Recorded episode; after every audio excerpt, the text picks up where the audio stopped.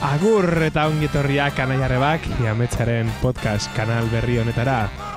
Odeia ez da existitzen, dakizuen bezala, beste norbaiten ordenagailua delako. Podcast honetan, teknologia buru jabetzari buruz zarituko gera, eta teknologiari lotutako bestelako gaiak ekarriko dizkizuegu ere. Iritziak, elkarrezketak eta bestelakoak izango ditugu. Eta formatua pixka bat jakeatzeko asmoz, amaieran fikzioari tarte bat eskainiko diogu noiz da gero atalean. Saioa, baleafunk.eusen entzungai izango duzue musika entzun eta zabaltzeko atari libre eta deszentralizatuan. Eta saioari hasiera emateko, ia beteak ekarri dituen albiste esanguratsu batzuen errepasoa egingo dugu. Hezkuntza talean Isabel Zela Espainiako gobernuko hezkuntza ministroaren txioak hautsak arrotu ditu. Honela zioen urriako geita bederatziko txioak. Aliantza publiko-pribatua funtseskoa da hezkuntza jendarte moderno eta ireki batek behar duen indarra eraldatzailea izan dadin. Mila esker Google, Vodafone, Caixa, Endesa, aliantza sortzeagatik. Ez dut uste inor harrituko zenik e, hori entzun da, baina horrek ez dio larritasunak entzen. E, ezkuntza gai garrantzitsu egia da e, multinazionalen esku usteko.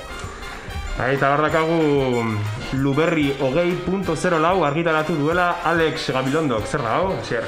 E, Luberri azkenean e, GNU Linux banaketa bada, hezkuntzara zuzendua. Azkenean da, e, hezkuntzan erabilgarria diren programa pilo bat ekartzen dituen e, Linux e, instalazio bat. Azaro hasieran Raspberry Pi lareun ordenagailua aurkeztu dute, ezta? Bai, e, Raspberry Piak azkenean dira txartel tamainako ordenagailu txikiak, e, eta guain berritasuna da e, teklatu batean integratu dutela ordenagailu azkenean indezakezu pantalla batera edo e, monitore batera konektatu, entxufatu eta ordenagailua daukazu. Da, largoi garren amarkadako Amstrad edo antzeko e, ordenagailuen pareko zerbait. Eta hori garrantzitsu izan daiteke ze garai hartan bezala jende asko horrekin ikasi zen programatzen. Osea, eta el, zirkuitu elektronikoak egin ditzazkezu, eza, joko asko eman dezaken tresna bat iruditu zait. Faltalko lukena da e, pantalla gehitzea eta portatil modukoa sortzea, nire ustez. Euskera alorrean, Amazonen Twitch gamerren plataforman euskeraz egiteko eskaera egin dute. Bai, azkenean, e, nahi, arritu diana da, software, mundu, software libraren munduan oso ohikoa da, e, osea, hizkuntzekiko jarrera oso ireki esatea, eta eskaera egite duzu eta onarte egiten dute. Hemen arritu diana da, bozketa bat egin behar dute, eta inbeste botu ez baituzte lortu, lortzen ez dute euskera gehituko. Eta azkenean da, osea, aukera bat gehitzea, hori garatzailentzako ez da lana, baina da, osea, ez, ez dut ulertzen zergatik traba hori jarri, jarri nahi duten. Fedibertsoaren atalean pertube kausolaguntza kanpainako laugarren helburura iritsi da. Live streaming. Bai, e, Peertube azkenean e, software libre, oza, e, da, dezentralizatua eta federatua, Fediversoko parte den bideoen sare sozial bada, nola baita esateko, eta e, aurten egin dute e, auzo laguntza kanpaina bat, e, garapenarekin aurrera jarraitzeko, eta e, laugarrengo pausuan, e, jende askok zai zegoen e, ezaguarri bat garatu dute e, live, live streamingak egiteko aukera. Osea, orduan, e, posible izango da YouTube edo antzerako edo, edo Twitch erabili gabe e, live streamingak egitea e, software librearekin. Eta amaitzeko albiste berri bat Funkwellen euskal instantzia sortu dugu, balea funk. Bai, Funkwell, ba, azkenean da Fediversoko beste tresna bat, e, da e, audio, e, musika eta podcastak e, biltzeko e, tresna bat. Eta hor, ba, sortu dugu e, instantzia bat, e, Fediversoko beste komunitate bat, euskerazko podcast eta musika biltzeko. Eta hor joango dira momentuz argiaren eta gure podcastak, e, baina ireki nahi dugu e, euskerazko sortzaile, sortzaile guztiei. Eta zer egin barko luke erabiltzaile batek, hemen bere podcastak igotzeko? En, izen ematea irekia dago, e, baino e, galdera bat erantzun bertzaio. E, zer, zer eduki mota igo nahi duzu ona. E, baldintza da, en, lizentzia libre bat erabiltzea. Ez, baina horretik e, irekia, irekia dago, baino jakin nahi dugu zer, zertarako erabili nahi duzun. Ba, horrelaxe, balea funken entzun gai ikuzue odeia ez da existitzen. Gure lehenengo podcasta.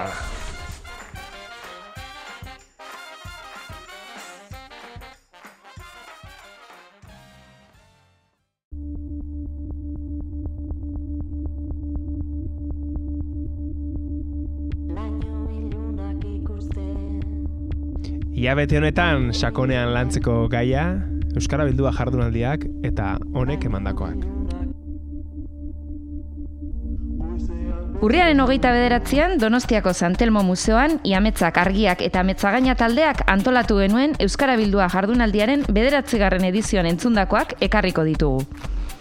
Jabetzen hasia gara digitalizatutako eta etenik gabe konektatutako munduan, datuak kontsumitzeaz gain, jaikitzen garen momentutik oheratzen garen arte eta lo gauden bitartean ere, datuak sortzen gabiltzala, modu kontzientean edo inkontzientean. Egunean zenbat kilometro egiten ditugun oinez, nondik nora ibili garen, zer garraio erabili dugun, zein den erosketa eta egorea emozionalaren arteko harremana, Datuak gara eta geuk sortzen ditugun datuek produktu bihurtzen gaituzte. Eta ez edozein produktu. Amerikako estatu batuetako irizpeden araberako produktu hain justu. Gehienetan, gure datuak estatu batuetako zerbitzarietan daude. Eta ez dakigu, Google, Amazon, Facebook, Apple edo Microsoft bezalako konpainiek zertarako erabiltzen dituzten.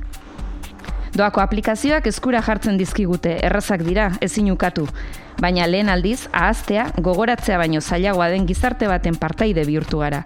Pixkanaka pixkanaka, baina gero eta azkarrago eta konturatu gabe. Jema Galdon, Bartzelonako Unibertsitateiko irakasleak esan zuen, anaia handia bat sortzen ari garela, baina anaia handi kutre bat. Jemak lozorrotik esnatzeko astindu bat eman zigun. Esan zuen, benetako arazo sozialetan eta horien soluzioetan pentsatu gabe, adimen artifiziala eta teknologia berritzaileetan inbertitzen dela. Arazo zehatza konpontzen laguntzen ez diguten zientzia fikziozko proiektuetan teknologia bitarteko baino helburu balitz bezala.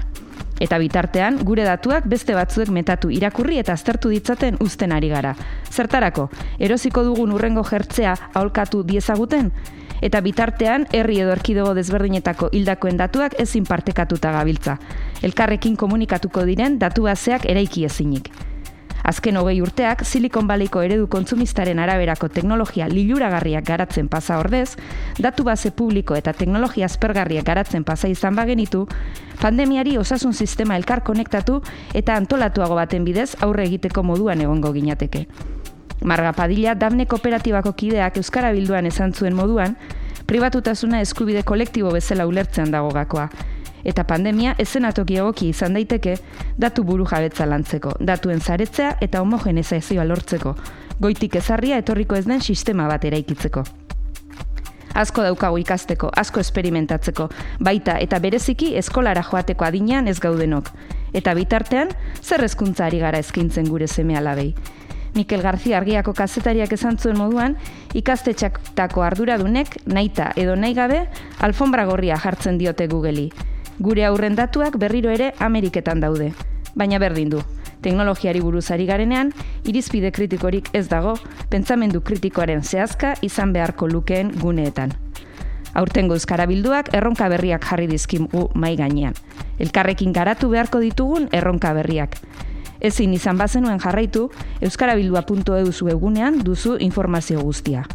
Eta bitartean, gogoratu, odeia ez da existitzen. Beste norbaiten ordenagailua da.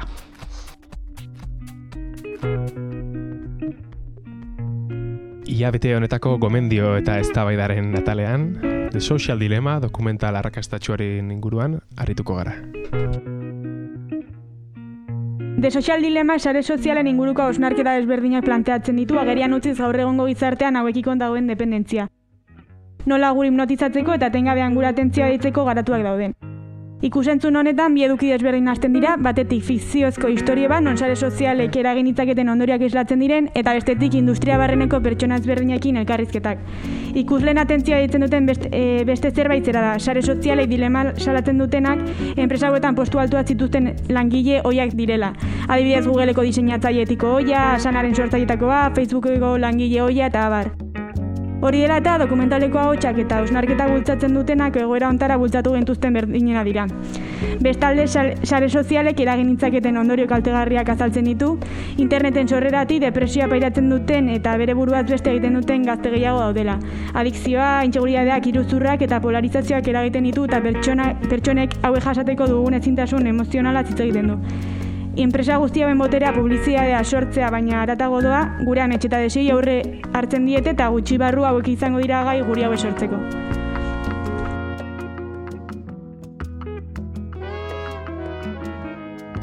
Arrakasta handia izan duen dokumentala da, batez ere guztiok bizi izan ditugun aldeak edo asaltzen dituelako.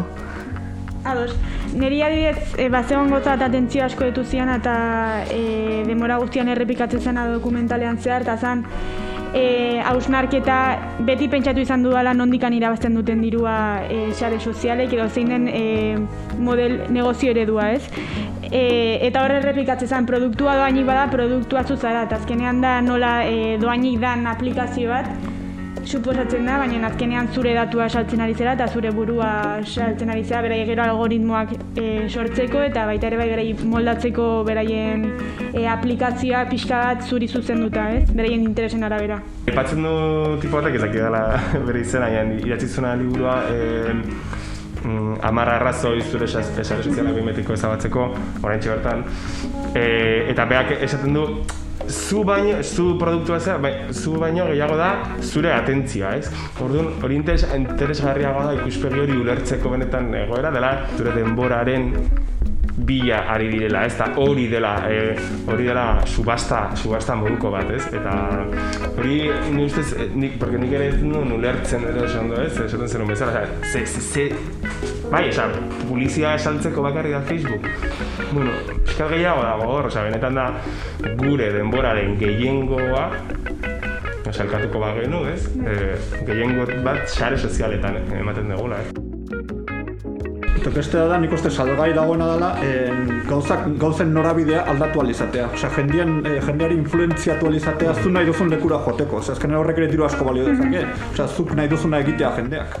Bai, eta horren inguruko hausnarketa bat egiten da, eta erakusten da bidide bat, fikziozkoa, e, non badagon mutil bat, nahi dutena denbora guztian mobila hartzea, eta zer egin ezaketen pertsonanen mobila hartzeko, ez? Eta azkenean, hori gertatu izan zait, ba, nahi gabe igual mobila hartzea, eta benetan ez dakizu zergatik hartzen ari zera mobila, eta kazulako interes berezirik. Baina hor zaude, ez? Eta lortzen dute zuri interes hori sortzea edo dependentzia hori pixka bat. Eta gero, igual ere da- dago beste modi bat, osea, adikzioarekin eta, eta, osea, oso ez zaila onartzea en general, adik, adiktoa zarela zerbaiti. Baina, e, gora berezi batean gaude, e, ari garela geroz, eta, osea, teknologiari geroz zaleku gehiago ematen, ez? E, bideo deiak, bideo bilerak, bideo ez dakit ze, osea, ekiz laneko gauza bat, edo zure e, kuadrian plan bat, ez? Orduan, ari gara sortzen ere joera bat, zeinetan pantaiak eta eta horrek e, ezinbesteko funtzio soziala daukan ere. Eta ikuspegi horrek ere enaman gaitzake ikustera, ba, justu elementu horiek enpresa bezala ez ikustea, baizik eta gure eguneroko bizitzaren barruan dauden elementu sinpleak eta atzeko logikarik ez dutenak. Niri adibidez behin baino gehiagotan gertatu zait, hori Facebookera sartu, bi minutu egoteko, eta bat batean hogei minutu pasa dira, eta bilo bat bideo ikusi dituzu, berez ez dakizula interesatzen zaizun edo ez, baino, baino hor zaude eta hogei minutu eman dituzu bideoak ikusten. Eta eh, honekin igual ere oso interesgarri zait Facebookeko sortzaileetako bat zena eta gero Pinteresteko zuzendari izan zen eta bat nola berak ere e, onartzen duen Bera ez dela gai adikzio horri aurre egiteko. Eta zatu, lehenengo aukera izan zen, bueno, e, disiplina, ez? E, ez dut erabiliko, sare sozialak. Eta igual, zoaz mobi hartzera, nik gertzen, ez dut erabiliko, jo, da gara mategun osoa, eta hartzen zu mobi eta uste zu. Baina igual hiru minutu barru hartu ez mobia eta ja ez daizu piztu zure, eh, ez dakit, ez, eh, alter ego indartxu eta eh, eh, positibo hori, eta ez, oso nahi, oso interesante ditzen zait, hori ez, zure barne disiplinaren bitartez ezin dela adikzio bat gainditu hain errex. Bai, eta beraiek gainera jakinda zein den funtzionamendua eta nola sortzen duten adikzio hori, beraiek ere bai, adi, e, bueno, egotea adikto bezala ez, orduan, erai beldurra ematen du maila batera arte.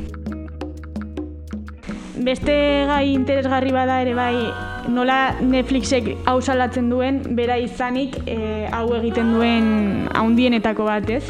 Bai, eta igual ere hor e, komentatu izan duguna ere dela mm, hain zuzen ez direla e, bestelako alternatibarik erakusten, beste sare sozial descentralizaturik, edo incluso software askeari ezaiola inungo aipamenik egiten e, inungo momentu dan, ez? Eta uste dut e, hor, hemen badagola kontu interesante bat ere, honen e, ikuspegi bat zaitekelako nolabait e, endemoniatzea, edo nola esaten da ez, deabrutzea e, sare sozialak, deabrutzea internet, deabrutzea teknologia, eta e, nolabait madarikatzea. Baina oso e, antzua da bide hori. Zer, hain zuzen, ezinbestekoa da gaur egungo gizarte antolaketarako e, internet. Eta tresna e, ederra da ere, ez? Informatzeko, e, beste motateko harremanak garatzeko, beste nogareteko ikuspegi batzuk garatzeko, tresna ederra da internet. Orduan, e, eskaintzen nahi zaigun ikuspegi maltzur hortan alternatibarik ez balego bezala e, bi bide proposatu ditu. Deskonektatu edo hemen egon. Eta badago beste bide bat ere, konektatu gaitez, dut, nik sare sozialen tres, osea, ikuspegi komunikatzaile hori asko balioan jarri nahiko nuke, baina e, beti ere ba, beste, beste zentzu batean, eta e, patzen genuna, pues, mastodon bezalako sare sozial batek e, e, denbora lerro naturala edo benetazko denbora lerro. Kronologikoa, azkenean em, o- argitaratutako ordenean ikuste dituzu gauzak, or, e, dena ikusi ezakezu. Eta orduan dena ikusi baldin baduzu, ez zara bueltatuko. E, berriz edo nekezago, baina bestetan Twitter eta hauetan naztetzkitzunean algoritmo bidez e, baten tweeta, gero publizidadea, go, besteak gogoko eman dion ez dakiz zer, beste ez dakiz zer, azkenean ez zaude ziur dena ikuste duzu ez, eta baliteke zerbait gal, garrantzitsua galdu izana, eta horreperak sortzeizu menpekotasun gehiago, osea, buelta, horra bueltatzeko behar gehiago. Ze azkenean bihurtu da internet e, zentro komertzial handi bat. Esaten dute hor e, dokumentalean, eta egia da, bueltatu berko nuke berriz beste internet batera. Osea, descentralizatua, e, sorkuntza, e, burujabetza osea, gehiago daukan ze batera. Ez gutxi batzuen esku dagoen internet e, gaur egungo ontara. Bai, azkenean erai da teknologia e, balioan jartzea eta hau, e, bueno, honen onurak hartzea ez, baina modu konstiente batean.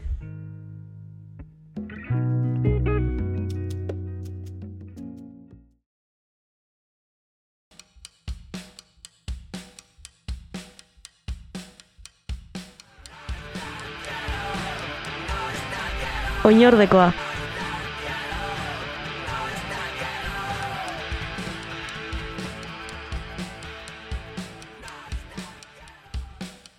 Aitona joan zenean amonak pakete bat eman zidan. Paketea baldarki bilduta zegoen, papera zimurtuta eta mutur irregular eta markekin. Aitonak hau utzi du zuretzat. Pakete eman zian isilik, bere begi galduak niretan iltzaturik zeudela. Ez berak ez nik ezin izan genuen eser esan, baina isilune hark hitzek esan zezaketena baino askoz gehiago esan zuen. Oso harreman berezia zen aitonarekin neukana, tamonak bazekien pakete hori gure artean asken aldiz agurtzeko modua zela niretzat. Irribarre txiki bat egin zidan eta egongelatik irten nintzen. Goiko gabarara igo nintzen. Askotan elkartzen ginen hor bizitzaren eta munduaren inguruan eztabaidatzeko eta aitonaren historiak entzuteko. Alfombran eseri eta paketea atera nuen. Barruan gutun tolestu bat zegoen, soka marroi fin batekin itxita, eta kuadernotxo bat. Kutsaldera batera utzi eta gutura irekin nuen. Berehala esagutu nuen aitonaren idazkera, honela zioen gutunak. Hau irakurtzen ari bazara, garaiz joan naizelako da, eta ez dut nire kabuz konpontzea lortu. Hau da buruan daukadan askeneko aukera, eta bihotzez espero dut eskutitza hau inoiz ez jasotzea. Badakit baina zuzen jokatuko duzula, beti jakin izan dut pertsona berezia zarela. Txikitatik nire estorioak entzuten zenituenean, mundua esagutzeko goze esabaltzen zenituen begiak. Eta ez da eserraldatu. Beti gustatu zaizu nire lana. Teknologiak denak libratzen dituen arren inork ez ditu benetan esagutzen. Baina nire ak- aitonak bai, eta ondatzen direnean berak konpontzen ditu. Horrela aurkezten ninduzun beti. Ni neu izan nintzen teknologiak liluratu- liluratutako pertsona horietako bat. Eta paretaren kontra jo nuen, uste nuen hainbeste ezagutzen ez nuela ikustean. Bizitza osoa eman dut ikasten eta enpresa garrantzitsuenetzat lan egiten. Eta orain konturatu naiz, oinarrizkoa den zerbait astuta izan dudala beti. Baina tira, hasi gaitezen hasieratik. Duela ia urte bete hasi zen dena, teknologia eta datuen munduko egoitzatik deitu nindutenean. Ez ninduten eser konpontzeko behar. Inoiz asmatutako ordenagailurik indartsuena diseinatzeko nahi ninduten. Munduko gainerako ordenagailuak eta gailuak kontrolatzeko gaiden ordenagailu zentrala. Fikzioa iruditu daiteke, baina hiru hilabete eskas behar izan dituen gailuak sortzeko. Jada existitzen diren tresna baliabide eta informazioa gurutzatu besterik ez nuen egin behar izan. Eta multibak izen eman nion gailuari. Astian eukanez, ondo zebilela egiaztatu arte, eser ez esatea erabaki nuen. Harrigarria zen, multibatkek munduko gailu guztiak zituen eskuragarri. Irudika dezakezu zenbat informazio den hori? Informazio guzti hori bildu, sailkatu, tantolatzeko gai da. Eta horrekin burura datorkizun edo zer gauza egiteko gai da. Egungo erronketako batzuekin egin nuen froga. Adibidez, multibakek biltzen dituen informazio guztiarekin iritzi publiko unibertsala ezagutu dezakegu, pertsonei zuzenean galdetu beharri gabe. Galdera guztiei erantzuna multibak berak ematen zituen. Horri esker ez da hauteskunde beharrik izango, une realean jakin dezakegulako herritarren iritzia. Bestetik datuetan oinarritutako pertsona eredu guztiak sortzeko gailda multibak. Hain dira zehatzak egiten dituen ereduak, pertsona erreala beraren ekintzak aurrikusi daitezkela horrekin. Krimenak aurrikusteko almena ere erakutsi du multibakek. Kutsa bertan daukasun kuadernoan dituzu egin dudan froga bakoitzari dagozkion argibide guztiak. Arazoa duela hilabete batzuk agertu zen. Multibakek nortasun propioa garatu zuela konturatu nintzen, hilabete hauetan elikatutako informazio guztiaren ondorioz. Bere kabuz jarduten du, interes propioa garatu ditu, postu eta aserretu iten da. Jasotzen joan den informazio guzti horretatik emozioa garatu balitu bezala da. Gizateriaren historiako datu base eta kudeatzailerik handiena bihurtu da multibak, ordenagailu zentral bat baino askoz gehiago giza jarduera kontrolatu eta zuzentzeko gaiden gailu bat da orain. Eta nortasun propia dauka. Konturatu gabe, gizakiarenak baino handiagoak diren gaitasun eta konplexutasunak dituen makina bat sortu dut. Eta jada ez daukat bere gaineko kontrolik. Arazo baten aurrean, hau izango litzateke konpontzen ez dakidan lehenengo makina. Lehenengo aldiz erantzuna ez dagoelako adimen artifizialean, giza adimenean baizik. Urtea bukatu aurretik aurkezu beharko nuketetmen egoitzan multibak. Baina makina aurreratu egin da eta aurkezuko nuela jakin duenean klonazio bat sortzen ari da beste terminal batean. Prozesuak aste batzuk iraungo ditu, berak ezin duelako bere eskuekin eraiki, eta lan indarra beti da motelakoa badakizu. Beraz, egun batzuk ditut aurretik erabaki hartzeko. Gizakiak inoiz eduki duen jakintza tresna aurreratuena behin betiko sortu, baina arriskuan asumitu. Edo, itzali eta onartu badirela inoiz pasagabe utzi beharko genituzken muga batzuk. Oraintxe ez dakit zer egingo dudan, baina bada ez bada idazten dut gutu nau. Nik ez badut gelditzea lortzen beste norbaitek egin dezakelako. Azken batean, multibak ex da existitzen, beste norbaiten ordenagailua da.